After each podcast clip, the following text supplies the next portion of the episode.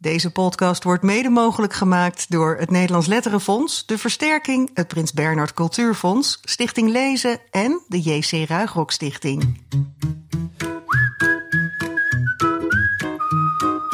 Dit is de grote vriendelijke update met Jaap Frieso en Bas Maliepaard, een onderdeel van de grote vriendelijke podcast. De laatste aflevering van ons vierde seizoen, Jaap. Ja. Het wordt uh, geen eindejaarspodcast zoals uh, we de afgelopen jaren hebben gemaakt. Dat vonden we na zo'n uitgebreide pakjesavond een beetje te veel van het goede, ja. toch? Ja, we zitten gewoon lekker knus. Maar ja, ja, we zitten hier wel heel knus inderdaad. Ja. Met een kerstboompje naast ons. En we gaan een update extra large maken. Kijk eens. Met toch een beetje een kerstig oudejaarstintje. Ja, je hebt ja. je best gedaan om de entourage zo mooi mogelijk te maken. Met uh, ons kerstboompje met daar hangen dan weer prachtig alle titels van de boeken die we hebben besproken. Of ja, van de gasten van de die geweest zijn. ja. En uh, ons kerstballetjes, ze zitten er heerlijk bij. En, uh, wat was je van plan te gaan doen? Nou ja, wat ik van plan was, zal ik jullie vertellen. Ik ben benieuwd of jij het ook van nee, plan bent. Verras me. Verras ja, me. nou, we gaan zo meteen eerst gewoon even luisteren naar het kinderboekennieuws van november en december. En daar praten we dan nog even over na, zoals je dat van ons gewend bent. En dan uh, gaan we aan de hand van vragen van luisteraars, ja, eigenlijk terugblikken op dit jaar en vooruitblikken op volgend jaar. En die vragen die hebben ze ingediend via Ah, Instagram. Dat is een leuk idee, ja. Ja, er liggen ja. allemaal briefjes op tafel en uh, daar pikken we straks die briefjes uit. En dan staat er bijvoorbeeld, Bas, om welk boek moest jij dit jaar heel erg huilen? Oh, welk boek zal dat nou zijn? Ik weet de het cliffhanger van het jaar dit. Ja. Hey, maar we dachten zo vlak voor kerst, uh, we zitten een paar dagen voor kerst nu. Hebt de maandag is het toch wel leuk om nog even wat kerstboeken te tippen. Mooie kerstboeken. Alhoewel de boekhandels dicht zijn, kan er natuurlijk nog volop boeken besteld worden, boeken afgehaald worden. En uh, ja, doe dat En ook in Vlaanderen zijn ze open, hè? In Vlaanderen ja. zijn ze open, ja. Dus we gaan even wat kerstboeken bespreken. Ja, leuk. Ja, Ja, want ja. we hebben de, deze maand natuurlijk ook geen gewone GVP en vorige Nee, maand die pakjesavond. Dus... gehad. En uh, Ja, we hebben drie, uh, nou ja, best wel aardige... Aardige, aardige. Nou, ik, ja, ja, ik gewoon mooie. Hele mooie. bijzondere. Ja, ja, nee, waar zeker. begin jij eens? Met, uh, ik begin met Een zwaluw in de winter van de Fransman Timothée de Fontbel. Die sommige mensen misschien nog wel kennen van de uh, Toby Lolnes uh, fantasy boeken. Ja, en Vango ken ik ook heel van, ja, ja. zeker. En het is een, een, een klein formaat prentenboek dat er meteen al heerlijk winters uitziet. Een beetje paarsblauwe cover met allemaal sneeuw en bergen en zo. En in dit, het is eigenlijk een compact kerstverhaal waarin we twee reizigers volgen. De ene reiziger is uh, de zwaluw Gloria. Let ook vooral even op de naam. Gloria, die vanuit Congo uh, in de winter naar het noorden vliegt. En dat is natuurlijk opmerkelijk, want zwaluwen vliegen altijd ja. in de omgekeerde Ja. richting. Hè? Uh, dus waarom doet ze dat? Ze voelt een soort roep uh, uit het noorden. En wat het precies is, dat leer je eigenlijk pas aan het eind. En ondertussen volgen we ook een andere reiziger. En dat is Freddy D'Angelo, de engel. Uh, die met zijn vrachtwagen vanuit Italië naar Engeland onderweg is. Omdat hij daar een lading roomijs moet afleveren. En hij ziet onderweg enorm op tegen de toestanden bij Calais, staat er dan. Het staat niet heel erg gespecificeerd wat het dan is, maar als je de illustraties goed bekijkt en daaromheen het verhaal een beetje leest, dan um, ja. ja. begrijp je dat hij ja, eigenlijk. Hij is daar bang voor, hij is daar, ziet daar een beetje tegenop. Het gaat dan natuurlijk om de vluchtelingen, vluchtelingen die daar in de berm uh, proberen om, uh, om in een vrachtwagen te kruipen en zo uh, naar Engeland te komen. Ja, en hij is, hij is heel eenzaam, hè? Ja, hij is een ontzettend eenzame man. Er heeft al honderd dagen niemand. Hij is op weg, dat vind ik ook heel ja. mooi beschreven. Hij is op weg naar de honderdste dag dat hij niemand heeft gesproken. Ja, dat ja. heeft hij ook echt afgeteld. Dat is natuurlijk vreselijk treurig. Uh, ja, oh, echt als zo'n kerstthema natuurlijk, ja. hè? eenzaamheid. En uh, nou ja, goed. Um, uiteindelijk dan wordt die bestelling uh, geannuleerd, die roomijsbestelling. En uh, er wordt hem verzocht om naar, naar zijn huis te gaan in Noord-Frankrijk. Dat doet hij. En um, nou ja, zonder al te veel weg te willen geven, um, ja, ontmoet, ontmoeten we daar eigenlijk nog een derde reiziger. Ja. En nou ja, hoe dat dan gaat, dat ja. moet je maar gaan lezen. Maar het is een heel ja, heel warm, uh, hartverwarmend verhaal. Klassiek, het ligt er af en toe. Ik vond het af en toe best lekker dik bovenop liggen. Maar op Jij een vond het een beetje manier. zoet soms, Ja, hè? maar wel op een lekkere manier. Weet je, er zitten ja. alleen al die namen die je nu noemt. Het ligt er allemaal natuurlijk een beetje bovenop ja. met de Engel en Gloria. En, en ja, ook hoe het afloopt. Maar ondertussen gaat het ook wel over grote thema's. Hè? Het gaat Zeker. natuurlijk over de vluchtelingen. Het gaat over dat, eigenlijk ook over dat verslepen van goederen binnen Europa. Wat een onzinnig is. Het gaat over nou ja, de, de hele Europa, over grenzen. En uiteindelijk ja. gaat het ook gewoon over persoonlijk Ja, en leed en Ja, eenzaamheid. zeker. Nou, die eenzaamheid, dat vond ik inderdaad een eh, heel erg belangrijk thema. En ook solidariteit eh, Ja. is, een, is, een, is een thema. En deed mij heel erg eh, meteen denken eigenlijk aan een sprookje van, vertelde ik je al eerder, van Oscar Wilde, De Gelukkige Prins.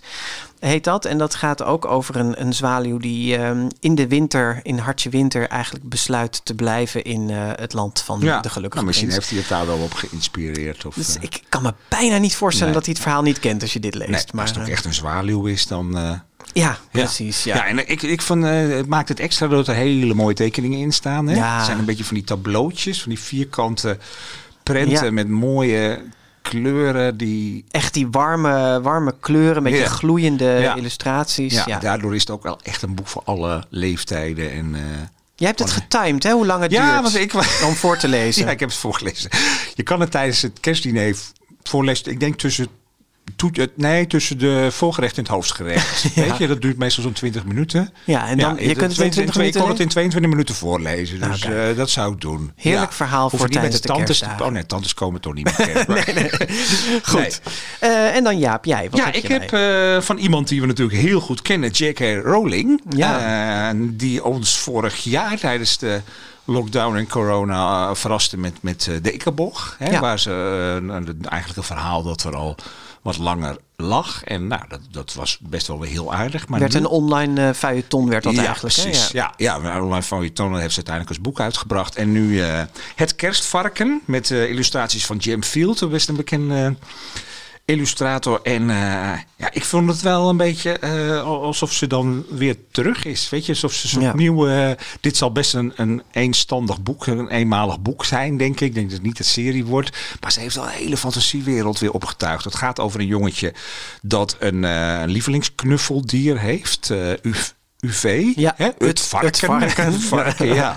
Nou, dat wordt op een vrij brute manier uit zijn leven gerukt. En dan nou, is hij heel verdrietig. Het speelt zich uiteindelijk allemaal af op kerstavond. Hij is ontroostbaar. Hij wil dat het varken weer terugvinden. Eh, gaat s'nachts uit bed. En dan eh ontspint zich een fantasiewereld waarin de dingen om hem heen eh, tot leven komen en kunnen praten. En hij wordt meegenomen naar een Ja, het land van verlies. land van verlies. Ja, daar gaat hij samen heen met een, een, eigenlijk een vervangend varkentje Ja, wat hij heeft gekregen. Dus een oude varken is eh pleiten. ja. En heeft hij een nieuw varkentje gekregen, wat natuurlijk lang niet zo lekker ruikt als een oude Nee, varkentje. En wat nee. nog helemaal nieuw Wat is. hij maar een beetje stom vindt aanvankelijk. Ja. En maar dat- dat varken gaat met hem mee eigenlijk naar het land en van eh, ja, verlies. dan eigenlijk op zoek naar eh, nou ja, dat oude kerstvarken. En daar komen ze terecht in allerlei, eh, ja, in zo'n tomeloze fantasiewereld met weer allemaal eh, eh, landen en gebieden met grappige en gekke namen. Hè. Had ik je maar, waar de dingen verschrikkelijk worden gemist. De vlakte van de verstotenen, het eiland van de dierbaren, de stad van de verloren schatten. Nou ja, daar gaat En, en Niemendal, dat vond ik zo'n mooie ja. vondst van Wiebe Budding, de vertaler ja, die ook de Harry Potter heeft Ja, gedaan. Niemendal, ja. Ja. Waar de waardeloze voorwerpen terechtkomen. ja. Dus het gaat ook wel weer heel erg over hoe wij met de dingen Ja? omgaan. Ze geeft de dingen eigenlijk een, eh, een Consumentisme. stem. en- Ja, ja. consumentisme. Hoe, hoe onachtzaam wij eigenlijk gewoon met spullen eh, omgaan. Maar het is niet een protestboek. Het is gewoon een heerlijk fantasievol eh, boek. En ik vond het einde is... Daar gaan we ook niet te veel over zeggen. Maar ik vond het einde redelijk verpletterend. Want dan maakt het... Je zit me aan te kijken of je dat helemaal niet vond. Maar Nou, nee, ik, ik, ik, had, ik had aan het. Nee, ik vond het einde ook. Het is heel grimmig ook weer. Maar Ja. ik, ik had wel heel erg veel moeite met de rol van de kerstman die daar dan in komt opeens. Het Van dacht ik, dat had echt niet gehoeven. Nee, maar dat is natuurlijk nee. heel erg. Oh, Oké, ja. Nou ja, ik, Engels ik vond toch wel een ontroerend eh, Ja. einde. En ja, het is gewoon een lekkere rolling. Het, eh, de verbazingwekkend doet het niet zo heel veel in Nederland. Nee. eh, tot nu toe hebben we even bij de uitgever nagegaan. Er zijn in Nederland, want het stond gewoon niet in de bestsellerslijst. En dat verwacht je eigenlijk gewoon met iedere Ja. rolling dat het in de bestsellerslijst staat. Maar eh, nou, er zijn wel 9000 exemplaren verkocht in Nederland en Vlaanderen. Dat is maar- voor een kinderboek op zich heel erg eh, goed, dus het hè? gaat niet heel slecht, maar het is niet eh, zoals in Engeland al meteen op één stond met 60.000 exemplaren en al, al, al wekenlang in, in Amerika in de bestsellerslijst en zo is. Ja, daar staat hij zelfs op één in de New York Ja, Times ja, eh, bestsellerlijst. Dus mensen zijn misschien toch gewoon heel, heel erg Harry Potter, maar eh, hier wat zou meer- het ja. nog iets... Ja, zou Nou, misschien toch de, de, de Britse en Amerikaanse kersttraditie is natuurlijk ook wel veel sterker dan hier. Hè? Wij hebben natuurlijk Sinterklaas als eh, grootste feest eigenlijk. En dit appelleert ook wel heel erg aan die, nou ja, wat ik al zei met die kerstman, maar aan dat hele, eh, ja, ja, dat Engelse kerstgevoel. Ja, misschien wel. Hebben ze daar veel meer met kerstboeken. Zou kunnen. Maar goed, eh, als je het niet hebt vanaf een jaar of zeven voorlezen. Ja, en Rowling is gewoon weer lekker een beetje terug. Ja, uitgegeven bij de. Harmonie, zoals alle boeken van Rowling. Ja, en dan heb jij nog een heel grappig prentenboek bij. eh, Ja, dat heet Genomen. Een miljoen biljoen kerstmannen van. Hiroko Motai. Dat is een eh, Japanse schrijfster. dat dacht ik al. Ja, Ja. En, eh, maar de illustraties zijn dan weer van een, ik meen een Zweedse of een Noorse, weet ik even niet meer. Marika Mayala. Ehm, maar goed, in elk geval een Scandinavische had ik moeten zeggen. En ja, ik zat hierbij te denken van dit is echt ook, dit is nou juist een boek wat eigenlijk niet in Amerika of in Engeland bedacht had kunnen worden. Want dit gaat heel erg, eh, het, dit tast het klassieke beeld van de kerstman Ja. eigenlijk juist aan. Eh, wij zien hier de kerstman natuurlijk ook niet. Hè? Je komt hem niet echt tegen op straat. Of eh, zoals je de Pieten en Sinterklaas natuurlijk Ho, wel. ho, ho. Nee, af en toe een Tegenkomt. verdwaalde kerstman. Maar, Ja, ja. het is niet zo'n ding hier. Nee. En ehm, eh, dit boek geeft eigenlijk antwoord op de vraag van... hoe komt het nou dat we nooit een kerstman zien... maar dat we wel cadeaus onder de kerstboom vinden. En dat blijkt ook uit onderzoek... Hè, dat steeds meer Nederlandse gezinnen Absoluut. Ook eh, ik met kerst me ook heen nog eh, ook, ja. cadeautjes Ja. geven. Nou ja, eh, heel lang geleden was er maar één kerstman op de wereld... Oh ja. begint eh, de schrijfster te vertellen. Ehm, want er waren ook nog maar heel weinig mensen. Maar ja, de bevolking die begon enorm hard te groeien... en op een gegeven moment kon dat kerstmannetje het niet meer aan. Eh, en toen heeft hij gewenst, waren er maar twee van mij. En Ja. toen splitste hij als het ware bij toverslag op. Toen krompt hij ook Ja, met de helft. Werd hij Ja. dus met de helft kleiner. Maar toen waren er opeens twee. Ja. Nou, en de bevolking bleef groeien en hij bleef wensen om zichzelf op te splitsen. Het werden er vier. Het werden er uiteindelijk een miljoen biljoen. Ja, En, eh, ze maar dan zijn- werden ze heel klein. Ze zijn nu zo klein dat je ze niet meer met het blote oog kan zien. Maar ze kruipen wel in de oren van volwassenen om daar te fluisteren. Je moet een cadeautje kopen voor Je die moet lieve een cadeautje kinderen. kopen voor de lieve kinderen. Precies. Ja. Mooi. Deze toevoeging maakt het wel heel theatraal. Ja, dank je. Maar wat echt geweldig is aan dit boek, zijn de illustraties. Ja. Van die Scandinavische, waarvan we niet precies weten waar ze vandaan komen. Ja, maar dit is echt, het is met krijt, denk ik. Ja, ja, zo ziet het er wel uit. Het Ja, is een het beetje... is lekker rommelig in die een beetje naïeve stijl, weet je, zoals kinderen eh, eh, Ook kunnen zouden tekenen, tekenen, maar dan niet zo vaak niet zo goed als, eh, als dit. Maar ja, dat maakt het gewoon heel erg. eh, Ja, speels, Speels, bewegelijk. ja. Ehm, Ja. ja, en, en eh, als het er dan uiteindelijk een miljoen biljoen zijn, dan kun je je afvragen hoe tekent ze dat dan? Dat doet ze ook heel grappig. Een spread vol met piepkleine rode mutsjes. Ja. Zegt, eh die bladzijden zijn vergeven van de rode mutsjes. En wat ik heel leuk vond, is ook dat die kerstman is niet zo klassiek. Het is een soort mislukte kabouter Ja, eigenlijk. ja, hè? dat is een beetje een gekke muts Het is op. niet eh, de Coca-Cola kerstman, Helemaal zeg maar. niet. Nee. Ik bedoel, hij lijkt wel ergens op een kerstman, maar eh, dus dat, dat, dat is echt heel. Ik vond het wel echt een ontdekking. Grappig, Gewoon heel eh, grappig. Ja, heel leuk. Ik heb inmiddels in het colofon kunnen Ah, zien dat het uit Finland Ah, komt. had ook- ik had ook nog. Zweden, Ja. Noorwegen. Een Finse eh, illustratrice. Ja, en nou, heel eh, internationaal. eh, verschenen bij Klavis en vertaald door de uitgeverij zelf. Ah, oké. Ja. Ja. Hartstikke leuk. Ja. En als je deze boeken wilt hebben, dan zou ik vooral de boekhandel. De lokale boekhandel. lokale boekhandel. Steun je boekhandel. Ja, dus. Eh eh, mail ze, bestel ze, haal ze af. En eh, je kunt dat ook gewoon met een boekenbon eh, Absoluut. doen. Hè? Die kun je ook Ja. nog steeds kopen. Kun je ook als cadeautje weggeven met de, met de kerstdagen. En eh, alles over deze boeken kun je natuurlijk vinden op de grotevriendelijkepodcast.nl. En volg ons vooral ook op Instagram, Twitter, Facebook of Goodreads onder eh, slash de GV podcast. Heel Ja, goed, Jaap. Ja, We gaan het kinderboekennieuws, hè? Bert Kranenbarg. Het grote vriendelijke kinderboekennieuws van november en december 2021. Tijdens de vijfde editie van de campagne Geef een boek cadeau zijn Het Achterhuis van Anne Frank en Ik zou wel een kindje lusten van Sylvienne Donio en Dorothee de Monfray voor een klein prijsje te koop. Het oorlogsdagboek is vanaf 11 februari voor 3 euro verkrijgbaar. Het prentenboek vanaf 13 mei voor 2,50 euro. De Belgische kinderboekenschrijfster Mieke Goethals is op 7 december na een kort ziekbed op 50-jarige leeftijd overleden. Goethals maakte meerdere kijk- en zoekboeken, zoals De Kerstman op cadeautjestocht, Schattige diefjes en Naar buiten. En op 15 december stierf de Amerikaanse schrijfster, hoogleraar en activiste Gloria Jane Watkins. Het feministische boegbeeld was beter bekend onder haar pseudoniem Bell Hooks. Ze schreef vijf kinderboeken, waarvan er pas onlangs één in het Nederlands verscheen bij Rose Stories, het prentenboek De Binnenkant van Mij, in vertaling van Sayonara Stuttgart. Bel Hoeks werd 69 jaar. Het thema van de Kinderboekenweek 2022 is Giga Groen. Het speciale prentenboek wordt gemaakt door Marije Tolman. De Australiërs Andy Griffiths en Terry Denton van de reeks over de waanzinnige boomhut nemen het Kinderboekenweek geschenk voor hun rekening. Het is voor het eerst in de geschiedenis dat deze opdracht naar buitenlandse makers gaat.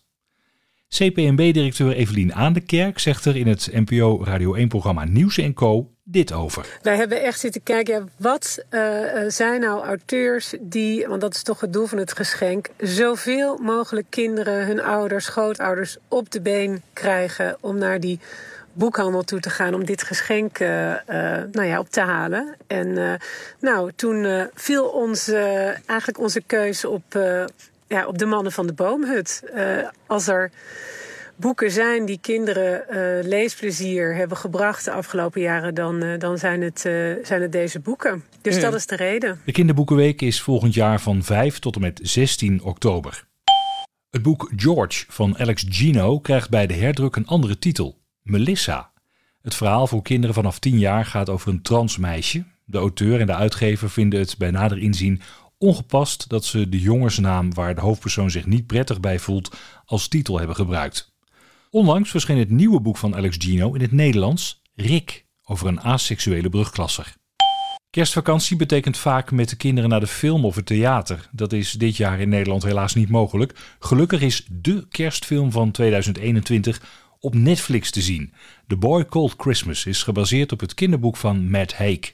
You may find this hard to believe, but long ago nobody knew about Christmas. It started with a boy called Nicholas and a summons from the king. I'm asking you to go to the very edges of our kingdom and bring back a spark of magic to give us hope. De Nederlandse acteur Michiel Huisman speelt een rol, naast actrice Maggie Smith, bekend van onder meer haar rol van Minerva Anderling in de Harry Potter films.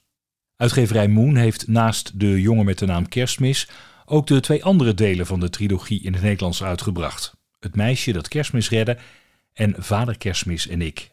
Nog een filmnieuwtje. De animatiefilm Knor gaat in februari in première op het filmfestival van Berlijn. De film is gebaseerd op het boek De Wraak van Knor van Tosca Mente en is gemaakt door Marcia Halberstad. Het is de eerste keer dat een Nederlandse animatiefilm voor de Berlinale is geselecteerd. Knor draait volgende zomer in de Nederlandse bioscopen. Er is een ministerie van Boekenzaken opgericht dat als doel heeft leesbevorderende projecten te ontwikkelen en te ondersteunen. Kartrekkers zijn onder andere Sanne Raamakers, bekend van de Kleuteruniversiteit, en Merel de Vink van Leesvink. Niet alle ministersposten zijn al ingevuld, maar zeker is al wel dat Jacques Vriends de minister-president wordt. Verder zijn er departementen voor onder andere Chibbe Veldkamp, Mark Horst, Lisa Boerse, Maranka Rink en Sanne Rozenboom. De ministers hebben een ceremoniële functie. Een van de projecten van dit nieuwe ministerie is de Boekenbingo. Die is deze week weer van start gegaan met leeslijsten voor onder, midden- en bovenbouw. Wordt geprobeerd het leesenthousiasme onder leerlingen en leerkrachten te bevorderen. Na het succes van Lampje in Groot-Brittannië kondigt uitgeverij Pushkin Press aan ook De Meisjes van Annette Schaap in het Engels te gaan uitgeven. Laura Watkinson tekent opnieuw voor de vertaling. In aflevering 7 van de GVP was zij te gast om over haar werk te praten. Ook de Italiaanse en Duitse rechten van de meisjes zijn inmiddels verkocht. In vervolg op het interviewboek Gloei van Edward van der Vendel en Floor de Goede, dit jaar bekroond met een zilveren griffel en een zilveren penseel, is er nu een podcastserie. Dit is Gloei, een podcast van Edward van der Vendel en Zenuwkapitein. Eerst was Gloei een interviewboek met LHBTQIA jongeren. Nu is het een podcast vol persoonlijke gesprekken met inspirerende gasten van diverse leeftijden over dat wat er kan gloeien in een leven. Met op het eind een fonkelnieuw gedicht. Er staan inmiddels een paar afleveringen van Gloei online met onder andere Astrid Nijg en Silan Macroy, de broer van songfestivalzanger Django Macroy. Floor de Goede maakt van de gasten een getekend portret en iedere podcast wordt afgesloten met een gedicht. Uit de bibliotheek van het Overijsselse Oost zijn alle boeken van Dolfje Weerwolfje gestolen en dat al voor de tweede keer. De bibliotheek schaft de boeken opnieuw aan. Auteur Paul van Loon reageert verbaasd. Hij zegt het bijna een compliment te vinden dat zijn boeken zo gewild zijn, maar dat het natuurlijk niet de bedoeling is ze te stelen. Van de dader is niets meer vernomen. Nou, die heeft een mooie dolfje-collectie thuis staan, die, uh, die dief. Boefje. Ik kan er bijna een, een, nieuw boek over gaan schrijven. Uh, misschien Ja. weet Dolfje hem wel te pakken. Ehm, ja, we hebben er straks natuurlijk drie eh, mooie kerstboeken al eh, getipt. Maar er kwam in het overzicht eh, nog een ander kerstboek voorbij. De jongen met de naam Kerstmis. Ja. En dat is in eh, 2016 al in het Nederlands verschenen van Matt Haig. Ehm, en eh, volgens mij ben ik de enige, enige, die ja, de enige die het opmerkt. ja, die het toen heeft besproken. Ja, ik vond het ook echt wel, ja, ook wel een beetje suikerzoet, maar wel op een lekkere manier. Eh, een heel fijn eh, kerstavontuur ook, waarop eigenlijk het bestaan van de kerstman op een hele grappige, inventieve manier eh, wordt uitgelegd. Hoe, dat, hoe de geschiedenis daarvan is. Ja. En ehm, heb je de film al bekeken? Ik heb de film bekeken, ja. En wat vond je ervan? Ja, ik vond hem leuk. Nee, jij Nee, viel kijk, in slaap. Ik viel in slaap, ja. Maar dat had niet zoveel met de film te maken. Nee, kijk, Maggie Smith, daar kun je me echt voor wakker maken. In dit geval viel ik dan in slaap. Maar ze zit er ook niet zo heel veel in. Maar Nee. hoe zij al binnenkomt lopen in het eerste shot. En met die stem, je hoorde haar net ook even in het begin. Dat is natuurlijk geweldig. Eh, nee, en, en het is een leuke, het is een heerlijke kerstfilm om met, met kinderen en met gezin te kijken. Hij is Michiel Huisman, daar kun je Ja, mij dan weer voor wakker maken. Ja, ja, maar ik vind hem altijd wel een beetje hetzelfde. Hem nu ook weer een beetje hetzelfde Ja, dat eruit zien. En er zitten wel heel veel dingen in dat ik denk, ja, dat is allemaal wel een beetje bij elkaar gepotpourriseerd uit andere films, weet je, in dit genre. Hartstikke leuk, maar Ja, maar de- welke, welke kerstfilm is nou Nee, echt heel origineel? Nee. En je, je wilt met kerst juist ook die sneeuw hebben. Je dat wilt die belletje, die Ja. Die magie, Precies. vliegend rendier. Nee, ze blijven vrij dicht bij het boek. Het is eigenlijk gewoon het boek, maar dan in de film. Ja. Ehm, met nee, een joh, maar kleine prima aanraden voor eh, tijdens de lockdown eh, in de kerstvakantie eh, te ja, doen. A Boy Ja. Called Christmas op Netflix te Ja. zien. En dan gaan we naar de kinderboekenweek Ik ophef. neem nog even een slokje champagne. ja, eh, ja. doe dat maar. Vond het vier. Eh, we hebben alcoholvrije champagne. Ja, inderdaad. Ja, ja, die de boekenweek op. Ja, man, man, man. ja, nou neem je slokje, dan leid ik hem in. Eh, voor het eerst in de 68-jarige geschiedenis van de Kinderboekenweek mogen buitenlanders het Kinderboekenweekgeschenk dus schrijven. De waanzinnige boomhut-auteurs Andy Griffiths en Terry Denton in vertaling van Edward van de Vendel. En dat is eigenlijk best opvallend. Ehm, eh, maar het is ook wel weer opvallend dat het nog nooit eerder is gebeurd. Want we hebben even gekeken naar de andere Boekenweek en Kinderboekenweek uitgaven. En dan zie je bijvoorbeeld bij het prentenboek van de Kinderboekenweek. Dat verscheen in 1983 voor het eerst. Dat was een Leporello van Zweedse makers meteen. En ook eh, mensen als Helen Oxenbury en Tony Ross en Roodroud, Susanne Berner, Eric Carl. Die hebben allemaal al eens het prentenboek van de Kinderboekenweek eh, mogen maken. Maar ze hebben daar nu wel sinds 2007 geloof ik hè, altijd een, een Nederlander voor gevraagd. Ja. Dus dat lijkt wel een beetje alsof dat een soort... eh, Koerswijziging of ja, zo was. en dat was natuurlijk ook zo bij het... eh, dus het is wel bij het gewone kinderboekenweekgeschenk. Ja. En eigenlijk ook bij het volwassen boekenweekgeschenk. Het is één keer geschreven door een buitenlander. Salman Rushdie, ja. Maar voor de rest eh, lijken die boekweekgeschenken gewoon iets wat je door Nederlandse schrijvers laat doen. Dus daardoor hoorde je ineens, je hoorde het echt zo'n golf van verontwaardiging Ja. en opwinding. Die hadden ze vast ook al zien aankomen bij Nou, de dat weet ik wel zeker. Ja. Ik denk dat de EPMB wat dat betreft ook goed op voorbereid was. En ook wel wel overwogen dit besluit heeft genomen. En dat risico eh, heeft genomen blijkbaar. En blijkbaar zo van overtuigd is dat dit een goede beslissing is en nodig is dat ze dat eh, gingen doen. Nou ja, we, we, wachten nu dat op dat geschenk. Hè, maar we weten al dat, ze, eh, dat het niet eerder gepubliceerd werk is. Dus het wordt niet speciaal voor deze eh, kinderboekenweek Ja, geschenkt. dat vind ik dus een beetje gek. Het is niet eerder gepubliceerd, maar het wordt dus ook niet, eh, blijkbaar niet eh, speciaal Nee, nu het is er geschreven. al. Nee, ja, Het lag is in- er al. lag in de la. Het lag in de Ja. la, misschien een soort verhalen of zo. Ja, en het schijnt wel over de bomen het, eh, te gaan. Nou ja, Oh ja, nou ja, ja. dat vind ik niet allemaal meteen een hele erg kwaliteitstempel. Of dat je denkt van jeetje, ze gaan enorm daarvoor aan de slag.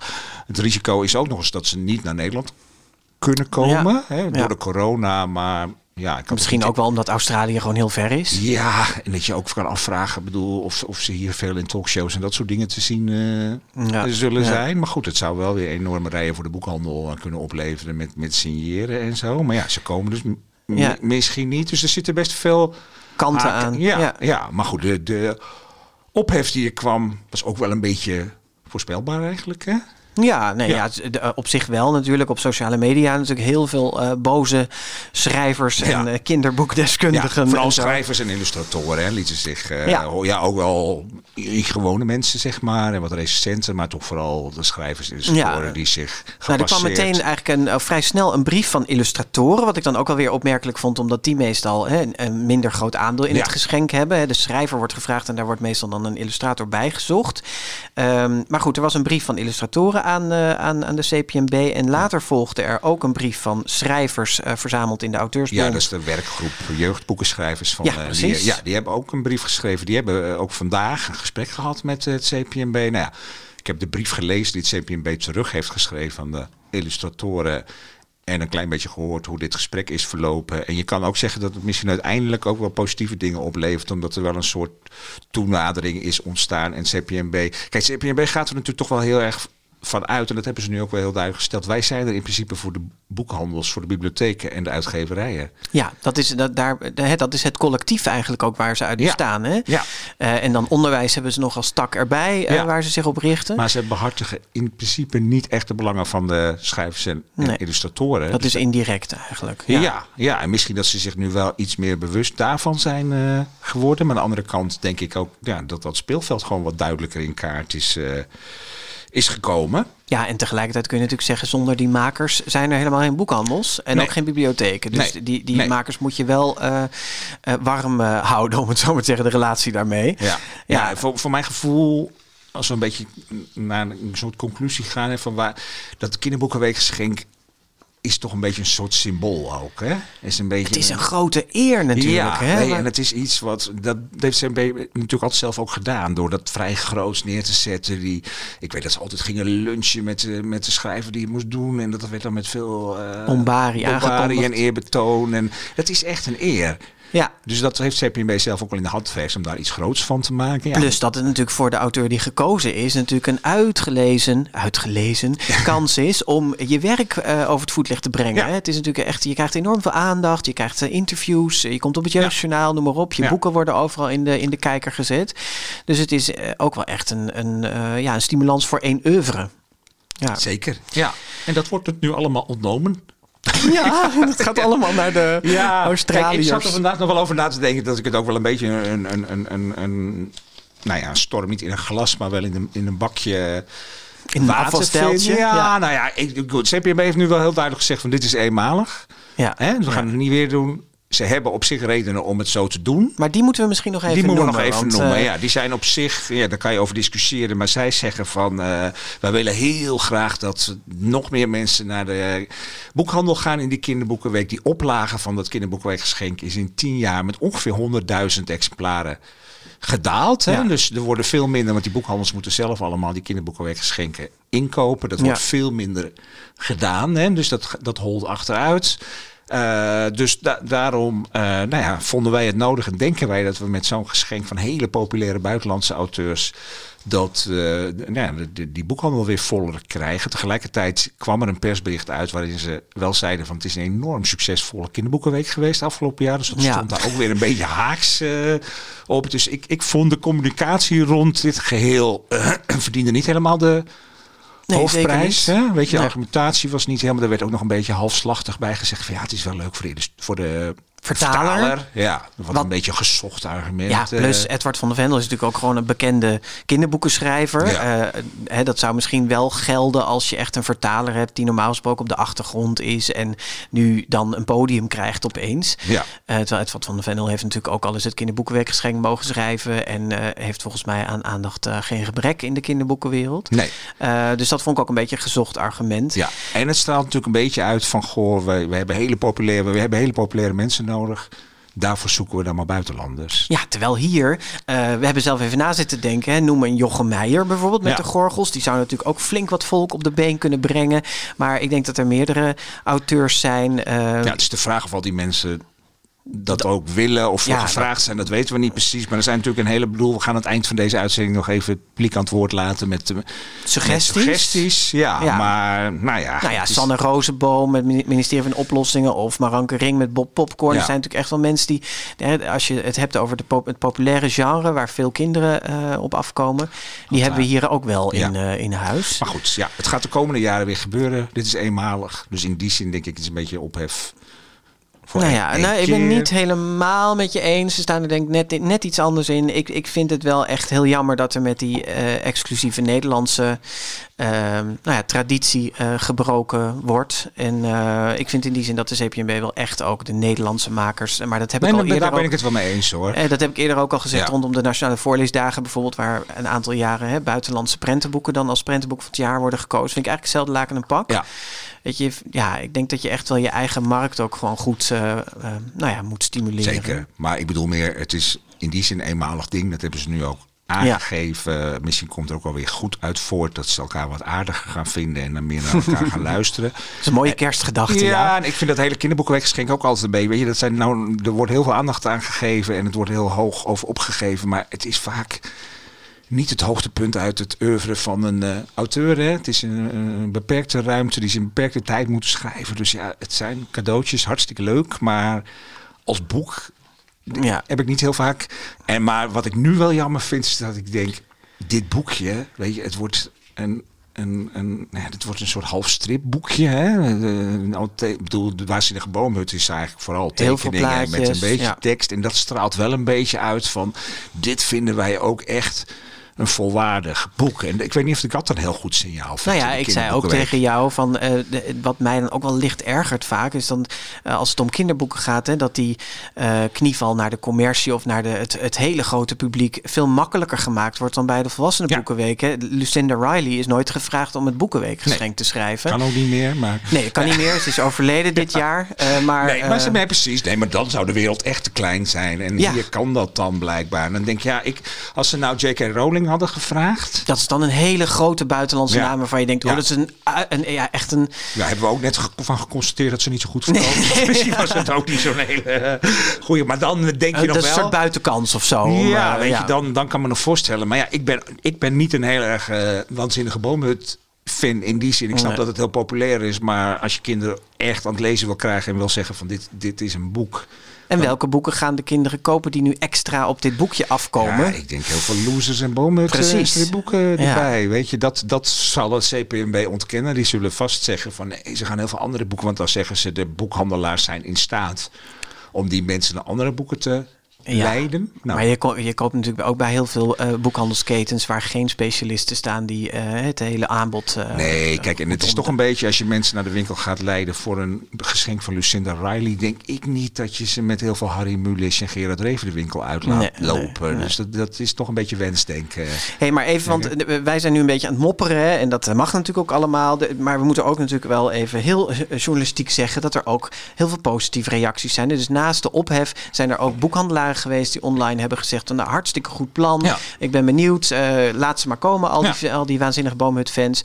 Ehm, dus eh, er zijn ook veel lezers. eh, Nou ja, in die zin is het wel een interessant experiment. Kijk maar, ze hebben er wel wat dat betreft een risico genomen. En wij gaan natuurlijk heel kritisch kijken of die oplage van het kinderboekenweeggeschenk straks omhoog gaat. En ik bedoel, ja, dat zal dan wel echt moeten, moeten Ja. blijken. Oké. Dat, dat, dat- ja, dat vind ik wel dat je het CPB daar uiteindelijk op af mag ja, rekenen. ja, Toch? vind ik ook wel. Ja, Ja, nou, goed. dat houden wij in de gaten, want we maken vast volgend jaar in november een update waarin we dit. eh, Helemaal analyseren. Ja, tot ja. op het bot. Zullen we nu naar waar ik, waar ik ontzettend veel zin in heb? eh, Ja, doe dat gaan. maar. er liggen hier heel veel briefjes eh, op tafel. Ja, ja. Ja. want eigenlijk was dit natuurlijk al een soort vooruitblik op die kinderboekenweek van volgend jaar. Maar we beginnen eh, nu pas officieel aan het terug- en vooruitblikken.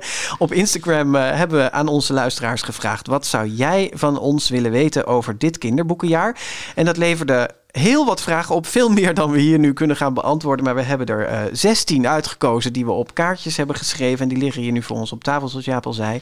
We trekken om de beurt een kaartje. Wij weten wel welke vragen er tussen Ja. zitten. Maar we weten dus niet welke vragen we nu trekken. En we hebben de antwoorden voor elkaar geheim gehouden. Dus Ja, we hebben ja. los van elkaar antwoorden Soms bedacht. weet ik eigenlijk nog niet eens antwoorden. Het zijn Oh. best lastige, lastige vragen. Daar ben je best laat mee dan nu. Nee, maar ik vind dat van die vraag van wat was jouw moment van een jaar? Of weet je, Dat- dat- ik, vind je dat moeilijk? Ja, nou, ben goed. ik altijd geneigd om het hele jaar noemen. we, Maar, gaan, eh, eh, we gaan lekker hak op de Zullen we tak. beginnen? Mag eh, ik het eerste briefje? Ja, doe jij het eerste briefje uit het maar midden. Oeh, leuk. Ja, en dan zeg ik pas... Ja. Oh, dit is meteen een leuke. Oh. Welke blunder hebben jullie gemaakt tijdens de opname van de. GVP? Ja, Ja, het is wel fijn het dat ik deze aan jou mag stellen. Ik wil ook antwoord op geven hoor, maar... Nou, ik, ik heb er inderdaad over na zitten denken. Nou, het zijn niet echt blunders waarvan ik denk van daar moet je heel hard om lachen of zo, maar meer gewoon voor onszelf een beetje pijnlijk. Ik weet tijdens de pakjesavond en dat hebben we eruit geknipt. Dus bij deze knip ik het er nu weer in eigenlijk door te vertellen. Maar eh, wij waren aan het praten over ehm, allemaal willen we de hemel van Els Beerten. En toen zei jij, Jaap, eh, ja, dat boek wat in de Eerste Wereldoorlog speelde. En toen beaamde ik dat ook meteen. Ja, ja, ja, de Eerste Wereldoorlog. En op dat moment dacht ik al... Oh, maar dit is eigenlijk wel heel vast is- wat je nu doet. ik Ja. wist dat je dit zou gaan zeggen. Je hebt eigenlijk een blunder van mij, ga je nu... Nee, maar ik van, oh, ik heb helemaal geen blunders Nou, gemaakt, ik- maar jouw blunder, omdat ik ja heb gezegd op jouw blunder, is het nu... Ik vind dat we dit er ook wel weer uit mogen Nee, nee, knippen, nee ik, ik, ik zag dit meer als een hand-in-hand blunder. Want ik Oh, blunderde op dat moment gezellig met je mee. En later dacht ik, maar is dat wel de Ja, eerste ik was ervan overtuigd. Nee, we hebben het allebei gelezen, maar lang geleden. nee, heel stom, ja. Goed. Dus de- hebben we er uiteindelijk uitgehaald. Het is wel goed om te zeggen dat wij helemaal niet zo vaak dingen eruit knippen. Doen we hè, eigenlijk maar- nooit, hè? Nee, behalve als we echt iets heel doms zeggen. Zoals, nou ja, maar dat gebeurt niet zo vaak. Of dat er hele rare dingen gebeuren. Maar we willen natuurlijk wel goede informatie geven. Dus al- al- als we echt een informatieve fout maken, dan... eh, Ja, en het Maakt kan er, eh, uit. dan kan eruit, dan doen we dat. Ja, en ik, had nog wel ook één, maar de- ik weet niet meer in welke aflevering dat was. Maar eh, het was echt een hele rommelige aflevering waar technisch veel fout ging. Daar hoor je uiteindelijk niks meer van. Maar eh, dat ik toen naar jou toe, dat is gewoon technisch fout van mij. Naar jou toen naast de camera iets ging een aanwijzing ging fluisteren. En dat Mark, de technicus, me echt aankeek van... Wat zit je nou te fluisteren? Dat wordt ook opgenomen. Oh, ja, ja. ja, maar ik denk dat we dat soort dingen, daar ben ik ook heel goed in. Hè. Ik ben heel goed in om naast de microfoon te praten of ge- gekke technische dingen te doen of eh, verkeerde titels te noemen. Dus dat soort heel veel kleine Ja, die zijn- blundertjes. eh, maar ja, mijn, dat is eigenlijk gewoon de story of my life, eh, zeg maar. Dat gaat de hele dag. eh, Ik ga het door niet ontkennen. In mijn, in mijn leven. Hè? Jij bent een beetje de precieze en ik de rekkelijke in dit. ja. in Maar je hebt dus van jezelf niet eens een grote blunder kunnen bedenken. Maar of ik van denk mij. Dat, dat, dat ik zoveel van dat soort dingetjes heb. Dat het gewoon, dat Ja. ik dat internaliseer en helemaal niet... ik heb, ik, maar ik heb niet gevoel dat wij nou... Nee, iets heel... Nee, en ik vind dat meteen zo erg dat ik dan een Ja, jaar later het ja, nog weet. Ik ja. noem dat niet een blunder. Dat is gewoon hoe het gaat. We gaan naar het volgende weer een- ja? kaartje. Ja? vind ik wel. Bij welk boek heb je hardop gelachen dit jaar? Ja, dat is een goeie. Want ik, ik moet eerlijk zeggen dat ik tijdens het lezen niet heel vaak lach. Dat is meer... Oh. Nee, heb ik niet zo. Ik weet dat jij dat wel hebt, maar ik, ik zit gewoon... Ik ben niet van de enorme emoties tijdens het lezen. Helemaal niet? Of niet uiterlijke emoties? Nee, niet uiterlijk. Dus ik zit niet heel snel te Maar ook geen innerlijke Of emoties? te lachen. Ja, wel innerlijke. Nee, Nee, ik heb wel je- pretjes. Nee hoor, Ja. en ik sluit ook niet uit dat ik wel... Maar bij lezen vind ik niet dat je... Omdat je lezen ook alleen doet en zo... heb ik niet heel... eh, maar ik heb bijvoorbeeld bij het boek van Yvonne Jachtenberg Wandert... daar staan echt een paar hele grappige scènes in. Bijvoorbeeld over de borsten van tante die dan na, na me hebben. Weet je, dat, dat kan ik me herinneren. Dat ik, of ik dan hardop gelachen heb, weet ik niet. Maar ik vond de tekeningen van Floor de Goede... in het boek van Rekenen voor je leven heel erg grappig. En eh, heb ik denk ik ook wel eens gelachen. Dus ik heb me zeker wel vermaakt, maar Ja. bulderend lachen. Ik, ik merk Jij? wel ook inderdaad, ik betrap me er zelf wel op dat ik vaker hardop moet lachen als er iemand anders in de buurt zit. Dan heb ik toch een soort van behoefte om te laten merken dat ik het zo grappig Ja, vind dat ik ja. aan het lezen ben. Dat iemand dan zegt, hé, hey, wat is er? Ja, precies. Ja, dat, je dat je dan dan even hardop kan zeggen. Een stukje kan voorlezen. Maar heb jij zo'n lachmomentje? Ehm, ik had ook Wandert opgeschreven, maar ik had ook nog zonder titel. Want daar zaten toch echt ook wel van die pubergrappen in. oh, ehm, ja. Ja. in, in dat ze in het museum zijn met elkaar en eh, ja, oh, Ja. gewoon lol met elkaar hebben. En daar moest ik ook wel echt eh, ja. goed nee, om lachen. kinderboeken zijn vaak heel geestig en heel grappig, maar Ja. ja, hardop lachen is dan weer eh, wat anders. Welk kinderboekennieuws is je het meest bijgebleven uit dit jaar? Ja. Paard? Oh, dat moet ik dan beantwoorden meteen. ja, we doen dat een, beetje eh, zo om en om. En dan, gaan, dan mag ik er even over nadenken. Nou, wat, wat, waar, ik vond dat we eigenlijk meteen al heel erg goed aftrapten het jaar met de bekendmaking dat ehm, er een nieuwe prijs voor kinderboeken was van 50.000 euro. Ja. De Boon. ja. En er is geen andere prijs voor een één kinderboek in het jaar eh, met zo'n hoog geldbedrag. Dus dat vond ik een enorme opsteker voor de jeugdliteratuur. En eh, daar voelde ik me toen heel blij en eh, ja, en daar zijn trouwens net is de longlist voor verschenen. Hè? Dus, ja, eh, ja, daar gaan we het vast nog over Ja, in hebben. januari komen daar eh, nominaties uit. Dus dat wordt lekker in het voorjaar Ja. een groot ding. En, en het andere wat ik, dat is buitenlands nieuws. En dat is denk ik ook gewoon mijn persoonlijke eh, ehm, betrokkenheid daarbij. Is dat het hele verhaal over Hongarije en de censuur. die we hebben besproken over de censuur op kinderboeken waarin homoseksualiteit eh, voorkomt. Ja. Ja, dan denk ik meteen van, oh, dit had ik bij een heel ander onderwerp als antwoord. Nou, dat maakt niet Ja, uit, dan doe je het dan nog een keer. wel. Ja. maar wat had jij nog nou, nieuws? eh, dat het nieuws dat Els Pelgrom nog weer met een boek komt. Ja. Dat vind ik toch altijd leuk, zo verrassend dat je denkt van, hé, hey, ja, die was Iemand van wie we al lang niks gehoord Nee, hebben. die was er ook nog en dat weet je eigenlijk nooit. Of mensen ineens nog met een boek. Weet je, zoals wij in de Grote Vriendelijke 100 hadden we Anker de Vries eventjes. eh, Ja, dat vind ik ook zo'n schrijfster waar je gewoon warme herinneringen aan hebt. En denk, oh, is die ineens nog met een boek? Nou ja, je denkt, die zijn misschien wel klaar. En dat dacht ik bij Els Pelgrim eigenlijk ook. En die komt dan ineens met een boek. En wat me ook wel bijgebleven is, is de, zoals wij dat de pulpdiscussie noemden van Oh ja. eh, dit jaar. Hè? Dus eh, wat eigenlijk, ik weet niet eens precies meer hoe dat ging, maar daar gingen er ook de, de, de Dan moeten mensen de update ja, maar terugluisteren. gemoederen vrij, eh, vrij hoog over. Ja, ja. nee, dat was inderdaad Ja, eh, ook nieuw kaartje. Ik, ik eh, pak weer een nieuwe, ja. Ehm, wat was jullie, daar ben ik het echt niet mee eens, Bas of Jaap, moment? Ja, dat is ook weer zoiets van, ik denk dat het is bijna dagelijks. nou, dat is helemaal niet waar. Nee, nou, dat is wel. Wij, kijk, wij hebben volgens mij hebben een hele duidelijke. eh, we zijn een leuk setje. Weet je? Nee, maar wij, wij zijn heel verschillend, maar we hebben gewoon afgesproken. We, we maken dit in goed vertrouwen. We bespreken alles met elkaar.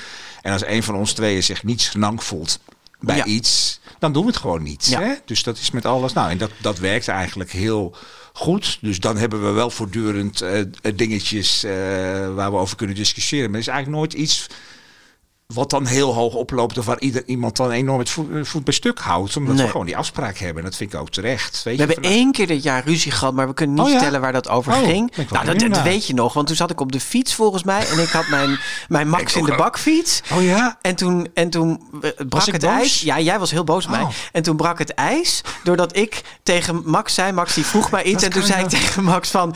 eh, Max, even wachten. Ik ben nu ruzie aan het maken met Jaap. Dat weet ik nog wel, ja. Maar ik heb zelf dus ook echt geen idee meer waar die ruzie over Nee, ging. We hoeven nee, nu nee. ook niet vertellen, Nee, maar dat zegt voor mij al wel dat dat dan ook weer heel erg eh, overwaait. Nee, wij hebben, ik bedoel, jij, jij, zit al boordevol ideeën en ik ben dan stap dan vaak wel een beetje op de rem, omdat Ja. ik dan denk van ja, nou ja, het is leuk pas, maar... En soms duw ik hem gewoon door. Ja, en soms is het ook een heel goed idee. En eh, of stellen we het een beetje. Mag ik één ding noemen Ja, waar, jij het niet mee waar- een- jij het niet mee eens was, wat een idee van mij was, maar wat het uiteindelijk wel geworden is. Dus dat is dan misschien ook weer Oh, lullig dat ik dan weer gewonnen had daarin. Maar goed, maakt niet uit. De gouden spetters achter het GV100 logo. Weet Oh. je dat nog? Ja. ja. Ik, ja. ik had echt, ik denk ja, met goud en spetters en feestelijk. Ja. Ja. En- ja, maar goed, daar heb ik inmiddels ook wel geleerd om bij dat soort dingen maar een beetje toe te. Maar jij, vond het Jij echt bent wat- vreselijk eerst. Jij, jij bent toch een beetje de Insta-boy van ons tweeën en ik de wat terughoudende. Het is wel een hele openhartige aflevering. eh, oude man in dit geval, ja. Nee, maar we zijn het dus best wel. Nee, kijk, wat ik ook wel zat te denken is bijvoorbeeld bij zo'n grote vriendelijke 100 aflevering hebben we best heel lang gedaan over hoe, hoe gaan we dat inrichten, hoe gaan we Ja. die 100 boeken. Nou, dan Pittige discussies. ja, dat worden dan aardige discussies, maar daar komen we uiteindelijk wel uit. Dus het is dan nooit heel erg een, dan heb je een idee en dan denk je, ja, ze moet het wel. En dan de volgende keer, nee, moet toch niet. En Ja. ja. dat is eigenlijk heel leuk hoe zo'n proces eh, gaat. Nou, volgende briefje maar. Volgende hè. briefje. Ja. Welke trends in kinderboeken vielen je dit jaar op? Ja. Ja, ik heb wat opgeschreven. Heb jij ook wat Ik opgeschreven? heb ook wat opgeschreven, ja. Ehm, wat mij in elk geval is opgevallen is de... Nou, het lijkt wel echt... Steeds, er lijken steeds meer graphic novels te verschijnen. Oh ja. En dan bedoel ik niet zeg maar de, het leven van een loser, dagboek van de muts. Dat wordt ook vaak ten onrechte wat mij betreft Ja. graphic novel genoemd. Maar echt meer de stripachtige boeken. Wat was de mooiste voor jou?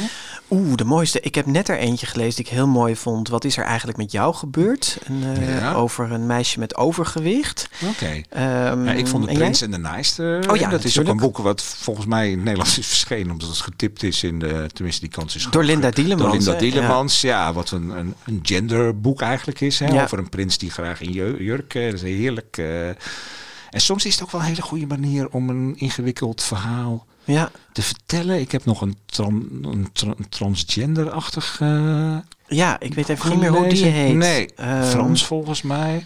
Ja, en, Ja. en Smile van Raina Telgemeijer Oh, ja. over een Ja. meisje met een beugel. Ja, dat is ook een heel grappig verhaal. Ja. En, en, soms is van Jason Reynolds is toch van 67 ko- seconden ook een... ja. Dus dat is een, Een boek wat al bestond als, als roman, maar dan wordt dan toch een graphic novel van En je hebt nu die eh, beetje soapachtige Heartstoppers-serie Ah, eh, over twee jongens die verliefd op elkaar worden. Ja. Eh, dus er, er verschijnt echt veel dit jaar. Ja, eh, ja. Maar goed, graphic novel vind ik wel weer een hele ander genre dan als we het over de boomhut of... eh, Ja, nee, het zijn echt stripverhalen. Ja, Ja. maar dan wel literaire stripverhalen. Had jij nog een trend? Eh, nou, wat mij opviel is dat er best veel boeken zijn verschenen die ja, wat soort persoonlijke geschiedenissen zijn die eh, terugblikken op vorige decennia van, van de vorige eeuw. Dus een beetje jaren 50, eh 60. Je had Yvonne Jachtenberg heeft over de boek over de opa. Eh, de vader? De vader, Ja. sorry, de vader geschreven, waar de opa ook een rol in speelt, Wandert. Hè. Eh, Koos Meinders heeft Stapelbedbroers geschreven over zijn eigen jeugd. Dat is jaren 60 ja, inderdaad. Jacques Vriends heeft... eh, Ja, Jacob. en de zeven gevaren, ja, geloof ja, ik. Jacob het, en de ja. zeven gevaren, ja. Dus een, en het zijn een soort ontboezemingen over die tijd, wat op zich aardige boeken zijn, waarvan ik me soms wel afvraag, ja, is het voor kinderen allemaal even van nu, kinderen van, van nu, even interessant, maar blijkbaar een behoefte om over die tijd te schrijven. Ja, wat je er ook van vindt, het is wel een trintje. Ja, En dat ja, werd zeker. gevraagd. Ja, Ja, dus, eh, Volgende briefje? Ja, Oké. jij mag. Twee trendjes is wel genoeg, toch? Ja. ja, vind ik ook. Wat was de grootste verrassing van dit jaar, Jaap? En eh, als het om boeken gaat natuurlijk. Ja. En ehm, deze vraag werd wel zes keer gesteld. Echt waar? Ja. ja. Ja, daar hoef ik eigenlijk niet zo lang over na te denken. Ik vond dat eh, de, de Gouden Griffel naar, naar Gozert ging. Ah, ja. Of het echt een ver- Ja, ik vond het toch ook wel een verrassing. Weet je, de, omdat bij de Gouden Griffels... en ook heel lang de kritiek geweest... dat het wel toch een beetje een elitaire prijs is... en dat hij nu naar een heel toegankelijk boek is eh, gegaan. Ik moet eerlijk zeggen, ik denk dat dat ook de Boekenweek van dit jaar... nog wel een beetje cachet misschien be- best wel heeft gered, zeg maar. Hè? Want er is echt heel veel aandacht daardoor gekomen. En eh, nou, als de jury het aandurft om zo'n boek die prijs te geven... vond ik, vond ik verrassend. Ik had hem heel anders opgevat, dit, eh, deze vraag. Oh, wat Eh, dan? niet, een, niet een nieuwsgebeurtenis of zo, maar Een boek. een boek. Ja, Ja, wat, ja, wat, wat mij ja. het meest verraste. En dan moet ik toch zeggen, ehm, Een Zee van Liefde van Pieter Goudensaboos. Omdat ehm, eh, dat toch een maker was die ik al wel jaren volgde. Ehm, maar waarvan ik niet dit boek had verwacht. Ik, en, en het was, eh, ik maakte het pakketje open en ik begon het te lezen. Nou, we hebben het meerdere keren in de aflevering gezegd die we met hem gemaakt hebben. Dat ik er als een blok voor viel. Ja. En dat verraste mij op dat moment Ja, heel erg. ja. Omdat ik eh, hem niet als een auteur kende waar ik inderdaad Nee. dat soort hele warme Maar gevoelens dat bij is had. echt het leuke van dat wij zoveel met boeken bezig zijn. Hè? Ja. Dat je dan zo'n boek krijgt en dan helemaal... Opeens helemaal. Joepie. eh, ja. Zo'n joepie gevoel. Wie, Ja, is er, wie is er nu? Oh ja, ja jij. ik mag weer. Ja. Hebben jullie grote plannen voor 2022? Oh, daar ben ik ook wel benieuwd naar. Ja, Ja. die hebben we ook los van elkaar beantwoord. Dat is eigenlijk best gek, want daar hadden we even Ja. moeten overleggen. Ja. Nou ja, Eh, jij hebt meestal plannen en ik zit er ja. dat is waar. Ja, wat zijn je plannen, Bas? Nou, eh, en dan moet jij nu mopperen om dan... Nou Nou, ik heb opgeschreven wat jij denkt. Ook, ik heb opgeschreven België veroveren. België We gaan veroveren. België veroveren volgend jaar. Zeker. Nou, ik, ik zou het heel leuk vinden als het ons lukt om ergens, ik hoop zelfs in het voorjaar, een live opname in Antwerpen te organiseren. Ja. Hè, dan, ehm, ja, met wie? Dat weten we natuurlijk nog niet. Nee. Maar ik moet zeggen, we hebben de aanbiedingsfolders van de uitgeverijen voor het voorjaar al gezien.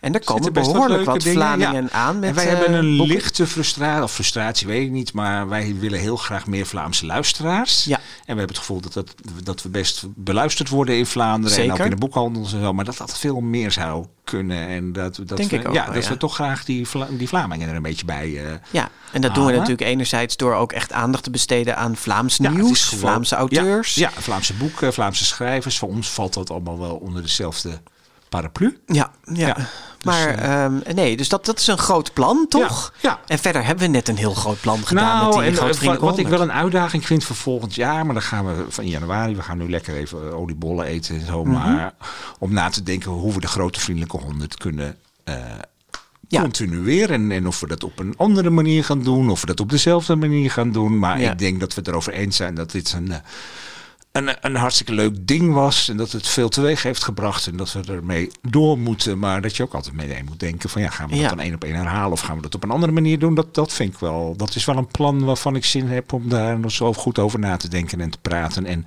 wel en niet eens momentjes over. eh, ik, ik kijk er ook al naar uit. Ja. Maar het moet ook, ook gewoon, de, dat is ook gewoon het algemene grote plan, is dat het de grote verrassende podcast ook moet blijven. Hè? Dus naast de dingen die je van ons gewend bent, dat we toch ook weer af en toe met, met leuke nieuwe Ja. dingen komen.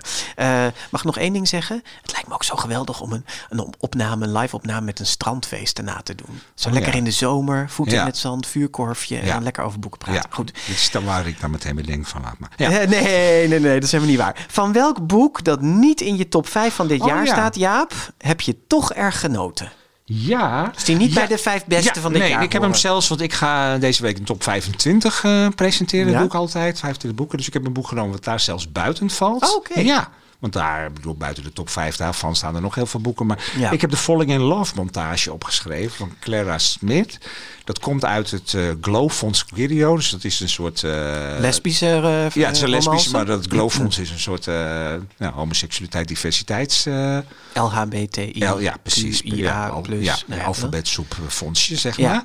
En dit was zo'n boek, het speelt, dat gaat, het is eigenlijk een soort, het gaat ook letterlijk over romantische comedies. Dat speelt daar een grote rol in. Het gaat over twee meisjes die wel een relatie willen, maar eigenlijk ook niet. En dan bedenken van laten we dat een beetje doen, zoals in een romantische comedie. En ik ben dol op romantische comedies. En dit boek was dus een soort van romantische comedie op zich, maar ging ook over rom, op romcoms. Dus dat zat er allemaal in. Het is gewoon een heerlijk Ja, ik, boek. ik Ja. sprak de vertaalster Maria Postema Ja. hierover. En die vertelde ook dat ze de oorspronkelijke titel heeft gehandhaafd. The Falling in Love Ja. Montage. Omdat dat eigenlijk een filmprincipe is. Dus dat is bijna niet te vertalen in het Nederlands. Oh, maar nee, dat is een filmprincipe uit die Ja, romcom. nou, het gaat dus ook heel erg over films. Ja, ik heb daar gewoon heerlijk van.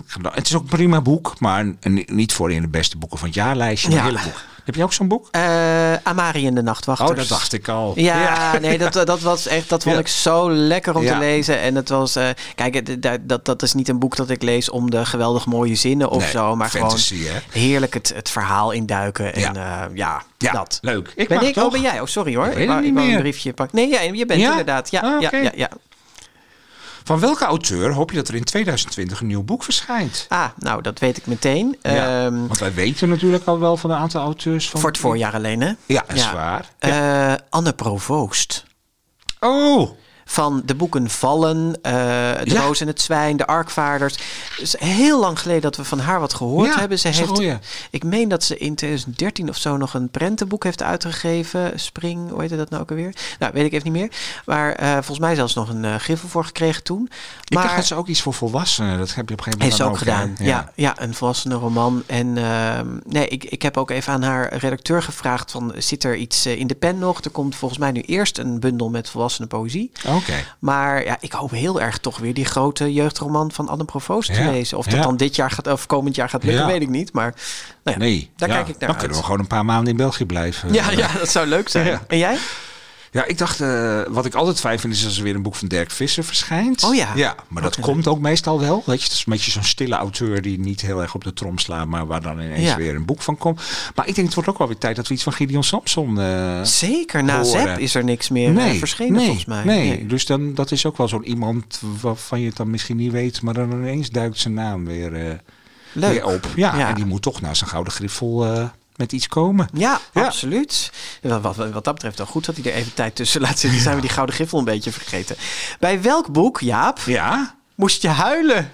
ja dat had ik dus al verteld. Nou, Ja, ja je hebt eh, zo'n vlakke emoties. Ja, precies. Nou, dat is eigenlijk helemaal niet waar. Want ik kan ook bij films en zo dus wel enorm janken. Maar eh ja, C van Liefde van Pieter Goudensboos had ik wel heel erg veel emotie. Gewoon dat ik het zo lief en schattig Maar vind. waterige ogen? Of, eh, Nee, dat denk ik niet. Nee, gewoon lichte ontroering Ja, of- ontroering. En waar ik echt een gevoel van beklemming bij. waar we- Dus dat is ook wel een diepe emotie. Was een boek eh, eh, Kind 1 Oh ja. van ja. eh, Steve Tassano. Wat heel erg vanuit een jongen in een vluchtelingenkamp is geschreven. Waarvan je ja. denkt, ja, wat, wat gruwelijk. Maar dat, dat is akelig genoeg. Bedoel, nou kan ik ben toch wel om houden als ik het zeg. Omdat het zo fel realistisch is. Dat is gewoon wat wij laten gebeuren in de, ja. in de wereld. En dit jaar Er zijn natuurlijk heel veel Afghanen naar Nederland gevlucht. En vlakbij mijn huis is een opvangkamp voor eh Afghaanse vluchtelingen. Dus ik zie daar heel veel van die kinderen. Ja, niet, hier worden ze gelukkig dan nog redelijk goed opgevangen. Hè? Dus dit is niet zo'n kamp als in het boek wordt geschreven, beschreven. Maar toch dat je denkt van ja, die kinderen zijn gewoon helemaal uit hun natuurlijke omgeving weggeplukt. En eh, nou ja, in dat boek is het veel erger omdat ze ook helemaal los van hun familie zijn. Ja. Echt een soort nummer zijn geworden. Ook ontdaan van hun naam zelfs, hè? Precies, ja. En dat is zo. Dat kwam bij mij wel heel erg... eh, Ja, het was een indrukwekkend boek. Ja, Ja. ja, Ja. zeker. Ik moest daar niet bij huilen. heb je ook wel al- echt gehuild ook? Ik heb een ugly cry gehad. Echt. Een wat? Een ugly cry. Wat is dat? Nou, dat, dat je zo eh, aan het snotteren en aan het huilen bent dat je er gewoon heel lelijk uitziet. Oh ja? Ja, echt? Met snot echt. en zo? Bij, ja, echt. bij de beelden van mensen.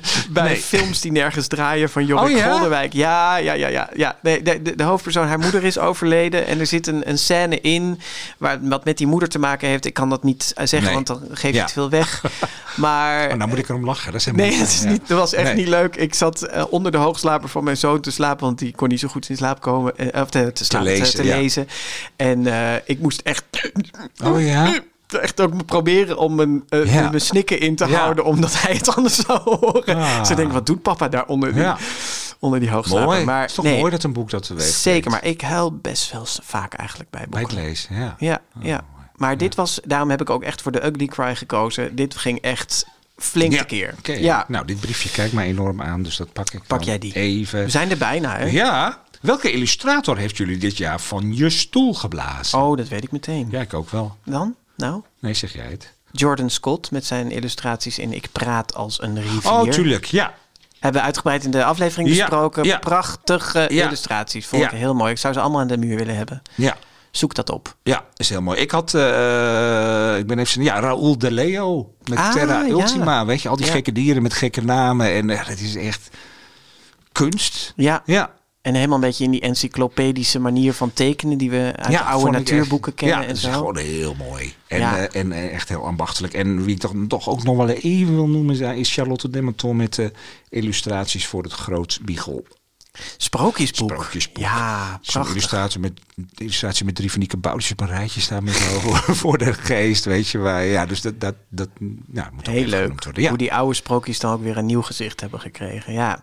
Naar welk boek, ik heb ondertussen het volgende briefje Ja. gepakt. Naar welk boek dat nog gaat verschijnen, kijken jullie het meeste uit? Ah ja, dat is wel een eh, interessante. Ik weet dat er weer een boek van, en dat vind ik een hele interessante schrijfster die nog niet zo heel veel heeft geschreven, is Anne-Jan Miras. Oh ja.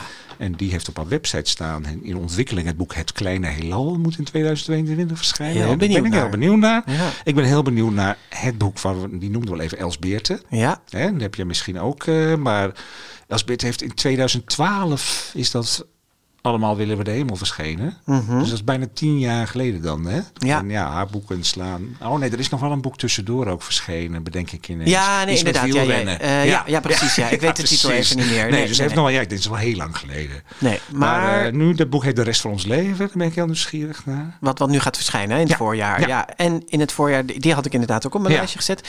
En eh, de nieuwe Jean-Claude van Rijkegem. Ja. Na IJzeren Kop en Galgenmeid en Ja. allemaal prachtige andere boeken nog. Onheilsdochter gaat die heten. Oh, dat heb jij ja, zelfs opgeschreven. Ja, ik had dat allemaal even opgezocht Ja. over de vikingen. Ja. Oh, nou, Omdat het ook altijd van die heerlijke boeken zijn om zo in te verdwijnen. Kijk ik ook naar uit. Ja, mag het nog volgende vijf- briefje? Nog vier?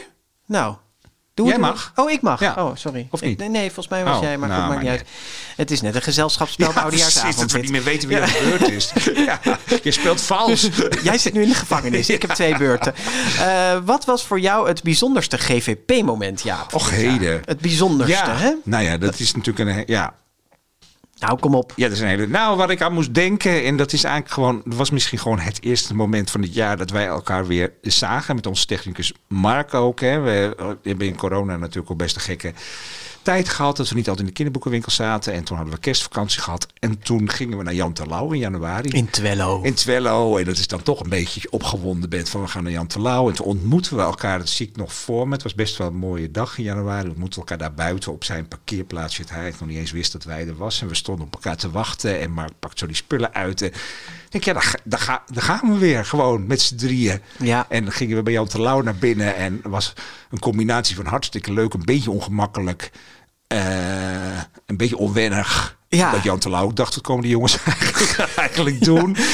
Dus ik weet niet het bijzonderste, maar dat was wel meteen... dat Ik denk, ja, wat doen we toch Nou, gewoon? dat is er wel eentje waar je later nog aan ja, was toch wel heel... Bedoel, natuurlijk was de, de groot flinke honderd en alles. Ja, mag ik die dan Oh, nee, zeggen? zeg jij die? Nee, De pakjesavond in Theater de. Liefde. Dat, daar kwam voor mijn gevoel echt wel alles wat wij willen met de GVP en wa- waar we zo hard aan werken, eh, kwam daar samen. Hè, en het, het enthousiasme van het publiek was echt duidelijk uit de zaal te horen. Eh, de liefde voor het kinderboek wat daar op die avond heel erg in, in de lucht hing. Alle verschillende gasten die hebben meegewerkt en die fantastische reis door die honderd boeken heen.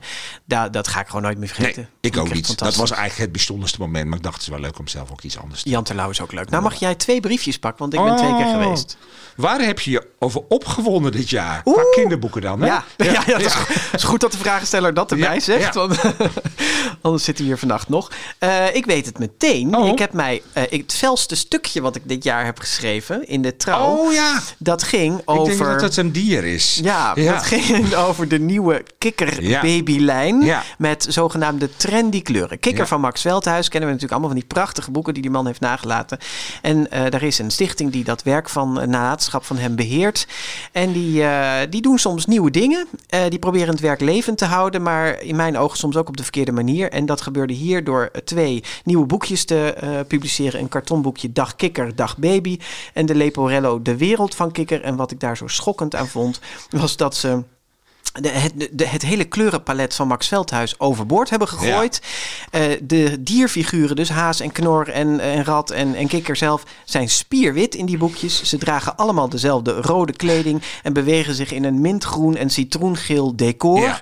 Nou, ik vond het een belediging voor Max Veldhuis. Ja, en ik En- moet een beetje lachen, omdat ik dan weer hoor hoe jij daarover opwint. Ja. Dit heb je natuurlijk ook tegen mij aan de telefoon. En, en, eh, te allemaal briesen in de ja. appjes. En, Ja. en de- waarbij, ja, die doet mij echt gewoon heel erg weinig. Dus dat is ook echt zo'n leuk verschil tussen ons. Dat Ja. jij hier dan vredelijk over op kunt winden. Nou, ik vond het, ik vond Ja, het echt nee, ik vind, maar ik vind Ja. dat eigenlijk ook heel schattig dat je daar dan zo... Ja. Ja. en ik snap het ook wel hoor, maar ik heb die emotie daar dan gewoon Er zijn later ook weer eh, bij de HEMA allerlei eh, Ja. schepjes en Ja. eh, emmertjes Nee, en ik rompertjes. je heel goed. Kan gewoon Ja, eigenlijk niet. nee, Ja. vind ik echt niet, Nee. niet oké. Nee. Ja, ik had dit heel sterk en daar hebben we dit jaar heel veel voorbeelden van gehad. eh, Toch met censuur dat kinderboeken worden aangegrepen om een soort politiek statement te maken. Dus Hongarije is daar een heel goed voorbeeld van als het over homoseksualiteit gaat. Maar we hebben ook wel meer voorbeelden gehad. Je hebt het nu ook wel een beetje met de discussie over oude dingen die ineens niet meer mogen in kinderboeken. Waar soms ook best wel wat voor, voor valt te zeggen. Maar ik vind vooral die politieke censuur dat kinderboeken worden ingezet om een, om een politiek statement te maken. En te doen alsof kinderen daar dan ook mee geschaad worden. Daar kan ik me echt over opwinden. Nou, Ja. waarvan akte? Ja, ene laatste briefje. Waar zijn jullie het trotst op? Trotst Ja. op.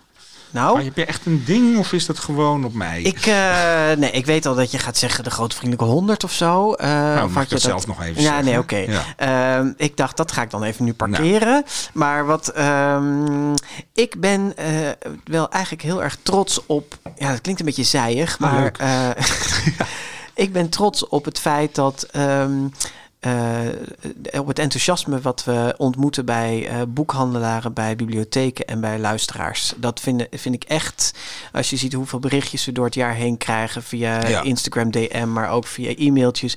En voor elke keer die foto's van die fantastische presentaties die eh, bibliotheken en boekhandels dan maken met onze boeken. Ik voel me dan elke keer bij elke foto opnieuw weer vereerd dat mensen dat doen. Ja. Het verbaast me ook op de een of andere manier elke keer weer dat ik denk: wow, hè, wij, zijn, wij maken gewoon een podcastje met z'n tweeën en eh, dat dat zoveel weerklank dan Ja. eh, krijgt. Ja. Dus dat. ehm, eh, dat vervult me wel met een zekere trots. Hartstikke En goed. niet alleen op onszelf, maar met name ook op al die mensen die daar zo bij aanhaken. En Ja, nee, maar ik, dat is ook zo trots op dat het kinderboek zo leuk is. Ja. En dat je daar Ja. gewoon hele leuke dingen omheen eh, Ja. kan doen. En dat is toch hartstikke mooi. hè? We hebben Dat. iets moois gedaan rond kinderboeken. En dat vindt zijn weerklank bij heel veel mensen. We Ja. hebben dit jaar dan ook nog de, de, update kunnen ontwikkelen. Die inmiddels ook een aardig plekje. Dat vind ik ook heel leuk dat we weer iets nieuws hebben bedacht. Wat Dat voelt al zo normaal eigenlijk weer dat we dat ja, doen. maar die doen we pas sinds dit jaar. Ja. En dat heeft ook echt een functie. Dus eh, daar ben ik ook trots op. Dat, het, Ja. dat we iets verzinnen, maar niet om het verzinnen, maar dat het ook echt ergens over gaat. De laatste. Het laatste briefje. Welk boek heeft dit jaar te weinig aandacht Oh, dat is wel een mooie als Mooi om laatste, af te, eh, mee af te ronden. vraag. Nou, zal Ja. ik dan maar meteen, jij zit nog te zoeken naar je antwoord. Ik weet het ook niet helemaal in mijn hoofd. Zo. Eh, nou ja, Eh, de aandacht die het boek heeft gekregen, uh, daar ben ik grotendeels voor uh, verantwoordelijk. dat klinkt een beetje uh, opschepperig, maar zo bedoel ik het helemaal niet. Want ik vind echt dat dit boek door de meeste van mijn collega-recensenten genegeerd is. En dat is het boek Let Goed Op van J Jason Reynolds. Oh, ja. We hebben het in de GVP niet meer getipt, omdat we al best wel veel boeken van hem getipt hadden. Ja. En er andere mooie boeken op dat moment waren. ik heb wel een groot interview met de man in, in Trouw kunnen publiceren hieromheen. Het stond op mijn lijstje in Trouw van beste boeken ja. van, het, van het jaar. Maar ik zie het eigenlijk verder bijna nergens terug. Terwijl nee. het toch in Groot-Brittannië de Carnegie Medal heeft gewonnen. De Gouden Griffel van Groot-Brittannië. En in Amerika ook genomineerd voor beste boek uh, ja. van het jaar. Ja. Verhalenboek, hè? Dat is soms ook wat lastiger misschien. Uh, ja, en even als je het gaat lezen na deze, dit warme pleidooi. Even door dat eerste verhaal heen bijten. Want dat is een beetje gekkig. Overslaan. Maar, uh, nee, nee, wel nee. lezen. Want het heeft wel een functie in het geheel. Maar ik snap wel dat dat niet het handigste eerste verhaal is. Nee. Maar er zijn prachtige verhalen in. En bij elkaar vind ik het echt gewoon uh, een magistraal verhalenboek. En uh, dat wilde ik toch nog Helder. even nog een ja, keer gezegd ja, Ik heb een heel ander boek. Hm? Waarvan wat volgens mij ook bijna niet besproken is van een auteur die wel een grote naam is, Dave Elmond. Oh ja. Ja, en dat heeft, die heeft een boek geschreven, De Nieuwe Jongen. Ja. En, ja, en dat heeft eigenlijk ook niemand besproken. Heeft ook niet zoveel gedaan. Heb dat ik ook niet gedaan, nee. nee. nee. En uh, hij schrijft normaal natuurlijk een beetje young adults, maar dit was voor wat jongere kinderen. En dat is een heel interessant boek, omdat het gaat over, er komt een nieuwe jongen in de klas, maar dat is een jongen die bestaat uit metaal en knopjes. En dat is een robotjongen.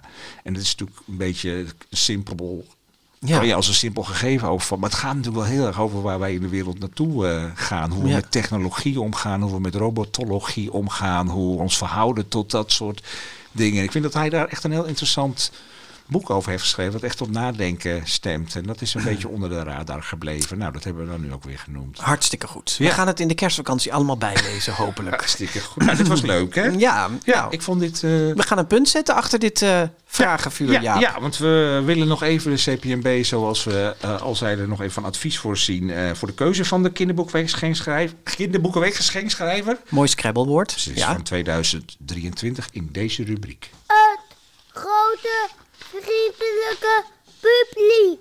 Ja, we vroegen onze luisteraars om suggesties aan te dragen. Welke Nederlandse auteur moet wat jou betreft gauw eens het geschenk schrijven? En dit zijn de reacties. Hey Bas en Jaap, Mini hier. Nou ja, als je mij vraagt wie het kinderboekenweekgeschenk had moeten schrijven, dan is het eerste wat ik denk is Pieter Koolwijk.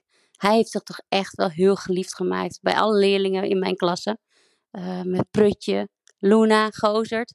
En ik ben heel benieuwd natuurlijk naar zijn nieuwe boek. Dus ik zou zeggen, hij heeft het wel verdiend om het kinderboekenweekgeschenk te schrijven. Ja, en anders, als ik er nog één mag zeggen, dan toch wel Manon Sikkel. Want hoe mooi zou het zijn als zij haar kinderboekenambassadeurschap zou afsluiten met het kinderboekenweekgeschenk. Anneke hier. Ik denk dat uh, Marlene Rebel en Lucinda de Vos uh, wel een heel prachtig duo zijn om het kinderboekenweekgeschenk te schrijven. En anders natuurlijk Sanne Rozenboom. Fantastische schrijver. Een paar jaar geleden las ik in één week twee boeken van Selma Noord. De ene was Dat spel van jou en mij. Daar heb ik om moeten huilen. En de andere was uh, een boek van haar serie Donders. Daar heb ik heel hard om moeten lachen. Sindsdien heb ik meer van haar gelezen. Ze heeft een heel breed oeuvre. Ze schrijft prachtige boeken. En ik zou het echt heel veel meer mensen gunnen om haar boeken te leren kennen. Daarom hoop ik dat zij een keer het Kinderboekenweek geschenk mag schrijven. Ze aat al dagen schrale brein met netels. Het was de hoogste tijd dat Frit nieuwe voorraad ging halen. Hij stond in de deuropening met de tas op zijn rug. Het was vroeg in de morgen, de zon ging schuil achter de bergkam boven de hut. Janus wreef de slaap uit zijn ogen. Dan ga ik maar, zei Frit. En goed opletten jij, de grote ziekte is slimmer dan je denkt. Nou, dit is het begin van Lepelsnijden van Marjolein Hof, dat ik, Niek, op dit moment aan het voorlezen ben aan mijn dochters Alice en Iva. En uh, Marjolein Hof weet uh, zo snel zoveel sfeer en spanning uh, te creëren, dat ik heel erg benieuwd ben hoe zij het er vanaf zou brengen um, als ze het kinderboekenweekgeschenk zou mogen schrijven. Ik ben ervan overtuigd dat ze het goed zou doen. Dus ik wil haar heel graag nomineren. Dag Jaap en Bas, Ingrid de kinderboekenjuf hier. Ik zou graag Michael Reeves willen tippen aan de CPMB eh, voor het kinderboekweekgeschenk. Juist omdat ik als juf zie hoe hij met zijn boeken kinderen aan het lezen krijgt moeilijke lezers, makkelijke lezers, het maakt niet uit. zijn boeken zijn zo dik, eh, ook dat maakt niet uit. De kinderen lezen het boek eh, van begin tot eind uit. Juist omdat hij zo filmisch en vlot schrijft. Aanrader dus. Hallo Bas en Jaap. Waarom één schrijver kiezen voor de Kinderboekenweek van 2023? Als vernieuwing voor 2023 stel ik voor om het geschenk door meerdere schrijvers te laten schrijven. Er zijn zoveel kinderboekenschrijvers die het niet alleen leuk en een eer zouden vinden, maar die het ook vast en zeker goed zouden kunnen. Ehm, dat het misschien heel leuk is om in plaats van één schrijver gewoon bijvoorbeeld vier of vijf schrijvers een mooi kort verhaal te laten schrijven. En dan ook na een jaar of tien hebben dan 40 of 50 schrijvers al een keer een bijdrage mogen leveren. En het geschenk kan ook daarmee op verschillende manieren heel divers worden. Verschillende leeftijden, uh, voor wie een verhaal geschikt is, verschillende culturele achtergronden, verschillende genres, meer of minder literair. Dus ja, of dat net zo populair zal gaan worden als een boomhut uh, kinderboekenweekgeschenk, weet ik niet. Maar goede marketingmensen kunnen vast leuke acties bedenken, waardoor ook zo'n verhalenbundel uh, vast een succes kan worden. Annette Huizing, Pieter Kolwijk, Gideon Samson, Jan Terlouw, Manon Sikkel, Annette Schaap, Tini Jensen, Marijn Stoffels, Ted Verlies, Adrien Naus, Kevin Hastings, Anne Roosboom, Annemarie Bon, Charlotte Dematon, Erik van Os, Fred Dix, Gerrit van Gemert, Koos Meijnert, Lidie Dijkstra, Milja Braagman, Pieter Veller, Tineke Honing, Rian Visser, Selma Noord, Jochem Meijer, Joukje Akveld, Suzanne Wouda, Daan Remmers, De Vries, Floortje Zwichtman, Benny Lindelauf, André Kuipers, Enne Koens, Erna Sassen, Mark Jansen, Jorik Voldewijk, Job van Gelder, Peter Goes, Robert Schilling, Loes Riphagen. En een ieder die ik leek te vergeten moet simpelweg weten, 30 seconden is te kort voor het tijdloze talent dat ons kleine land kent en wat nu vergeten wordt. Hulde aan alle, alle, maar dan ook alle Nederlandse schrijvers, dichters en verhalenvertellers. Dat was mooi, die, die laatste uh, on speech. Dat was uh, Annika Verschuur. Daarvoor hoorde je Marlene Rebel, Ingrid Rijnboud, Niek Herms, uh, Geertje Oskam, Hanneke Messelink en Minnie Verheij. En ik hoorde toch best nog wel namen tegen, voorbij komen. Ik oh ja. Ja, Weet je, dus, ja, Selma Noord bijvoorbeeld. Ze heeft het blijkbaar nog nooit gedaan. Nou. Manon Sikkel. Ja. Ja. maar ook de- ja, Pieter Kolwijk komt vast nog wel een keertje. Als Maar ook als je het over, over mateloos populaire boeken hebt. Gerard van Gemert met zijn voetbalgoden. Dat blijft ook maar doorverkopen. Manon dus, eh, ook, weet ja. je dat. eh, ja, dus eh, nou ja, CPNB luistert mee. mooie, Ja. mooie inspiratie. Ja, het, het zit er bijna up, Jaap. We zijn er in januari weer met een, een update en een GVP. We gaan dus gewoon door Tuurlijk. volgend jaar. Ja, Eh, ja, en een gewone GVP, eh, die maken we rond de Nationale Ja, dus al halverwege januari. Ja. Ja, met de makers van het prentenboek van het jaar. Maar eerst ving ik een monster. Jibbe Veldkamp en Kees de Boer zijn hier dan aan tafel. Maar we sturen ons luisteraars niet zonder huiswerk eh, de kerstvakantie in. Want jij hebt je weer uitgesloofd. En een grote vriendelijke prijsvraag 2021 gemaakt. En net als deze update is het een extra large versie denk geworden. in dit jaar waarin we de grote vriendelijke 100 hebben gepresenteerd, dan kan het niet anders dan dat er ook gewoon 100 vragen in de grote vriendelijke prijsvraag staan. Dus, dus ik heb 100 vragen gemaakt eh, waar je weer van alles mee moet. Het he- alle vragen hebben iets met de grote vriendelijke eh, up- eh, grote vriendelijke podcast te maken met de update. We hebben natuurlijk ook veel meer eh, Dingen om uit te content. Ja, Ja, dus ja, en ja, de grote vriendelijke 100. Dus ik zeg niet dat het makkelijk is, maar het is wel Ga er maar te doen. staan. En je hebt er best eventjes de tijd voor. En in deze tijd van lockdown en corona is dat misschien ook een heerlijke afleiding om de tijd mee door te komen. Dus ik zeg, doe je best. En één vraag stellen we nu alvast. Want de Ja. hele prijsvraag vind je binnenkort op de grotevriendelijkepodcast.nl. Maar één vraag staat daar niet tussen, maar stellen we nu. Dus daarvoor, heel slim, hè? Daarvoor moet je dus ook deze Aflevering geluisterd heel slim Ja, van jou, ja. dat allemaal. Ja. Dat is vraag 80. En vraag 80 die gaat over een eh, kinderboekpersonage. Over welk kinderboekpersonage gaat deze zin? Ik word gevangen door Poes Vlieg en woon bij de familie Blom. Ja, ja jij weet het vast wel, maar gaat het niet zeggen. Ik ga het niet zeggen, maar de quiz is dus pittig dit jaar. Maar we hebben ook prachtige prijzen. De hoofdprijs is namelijk een boekenbon van 100 euro maar liefst. Nou, Niet misselijk. Die kun je helemaal besteden zoals je zelf wil. Ja. Hè? En eh, hebben we ook nog tweede en van derde onze prijzen? sponsor, ja, van onze sponsor, absoluut, de boekenbon. Ja. hebben we nog andere prijzen? Ja, we, eh, we geven boekenpakketten weg, boeken en eh, grote vriendelijke mokken natuurlijk. Dus het heeft absoluut zin om, Om mee te te doen. Ja, voor de eerste prijs had ik wel bedacht, dan moet echt wel proberen om, om het helemaal goed te hebben. Ja. Hè? Maar als je, je, het heeft altijd zin om in te sturen. Want zeker de mokken, die verloten we gewoon ook onder mensen die de moeite hebben gedaan om Om mee te doen. Maar Ja. je moet wel een beetje je best doen. En Ja. wie dan eh, nog zin heeft in nog een uitdaging, Ja. die kan eh, vanaf nu ook meedoen aan de grote vriendelijke Hollen- 100 Challenge van Hebban. En dat, die challenge die, eh, ziet er als volgt uit. Lees alle 100 boeken uit de GV 100. Ja. Als je een account hebt op Hebban, of je kunt er natuurlijk ook een maken, dan kun je je aanmelden voor de challenge en alle titels die je hebt gelezen wegstrepen. leuk, ja. Want er kwamen natuurlijk al heel veel reacties van mensen die zeiden... ik heb 64 boeken van de 100 Ja. gelezen, maar ze nog niet allemaal. Dus eh, Maar je kunt het nu echt lekker bijhouden. lekker dus bijhouden, hebban.nl. wegstrepen. Hartstikke Ja, leuk. Superleuk. Ja. Nou, nu zit het recht up. Ja. Eh, ja. Leuk als je weer wilt reageren op deze update in de podcast, apps of via de social media. En je kunt ook nog steeds vriend van ons worden. Dan steun je de GVP en blijf je eh, ervoor zorgen dat we de komende jaren eh, dit kunnen blijven maken. En dan krijg je ook af en toe een eh, voordeeltje. Ga daarvoor naar vriendvandeshow.nl slash de GV podcast. Dat ging hard hè, de afgelopen tijd. we hebben er heel veel nieuwe vrienden bij bij? gekregen. Iets van 203. Ja, ik weet Ja, eigenlijk precies, want ik kijk dagelijks 233. ja. Het is Ja. eh, nu maandag 20 december 2021. We sloten het kinderboekenjaar af in kinderboekwinkel Kiekeboek in Haarlem. Dank voor de gastvrijheid weer dit jaar aan Jessica Jonkind en haar team. Mark Brouwer, onze technicus, en Bert Kranenbarg, ook bedankt voor jullie inzet voor onze podcast. En luisteraar, jij bedankt voor het Niet te luisteren. vergeten, ja. Nee, zonder jullie is er eh, wel een podcast misschien, maar dan luisteren wij alleen zelf. Eh, we hopen dat je, ondanks de coronasituatie, toch kunt genieten van de kerstdagen. En wens je een groot en vriendelijk nieuwjaar. In januari zijn Proost, we er weer. mensen. Tot dan. Tot dan.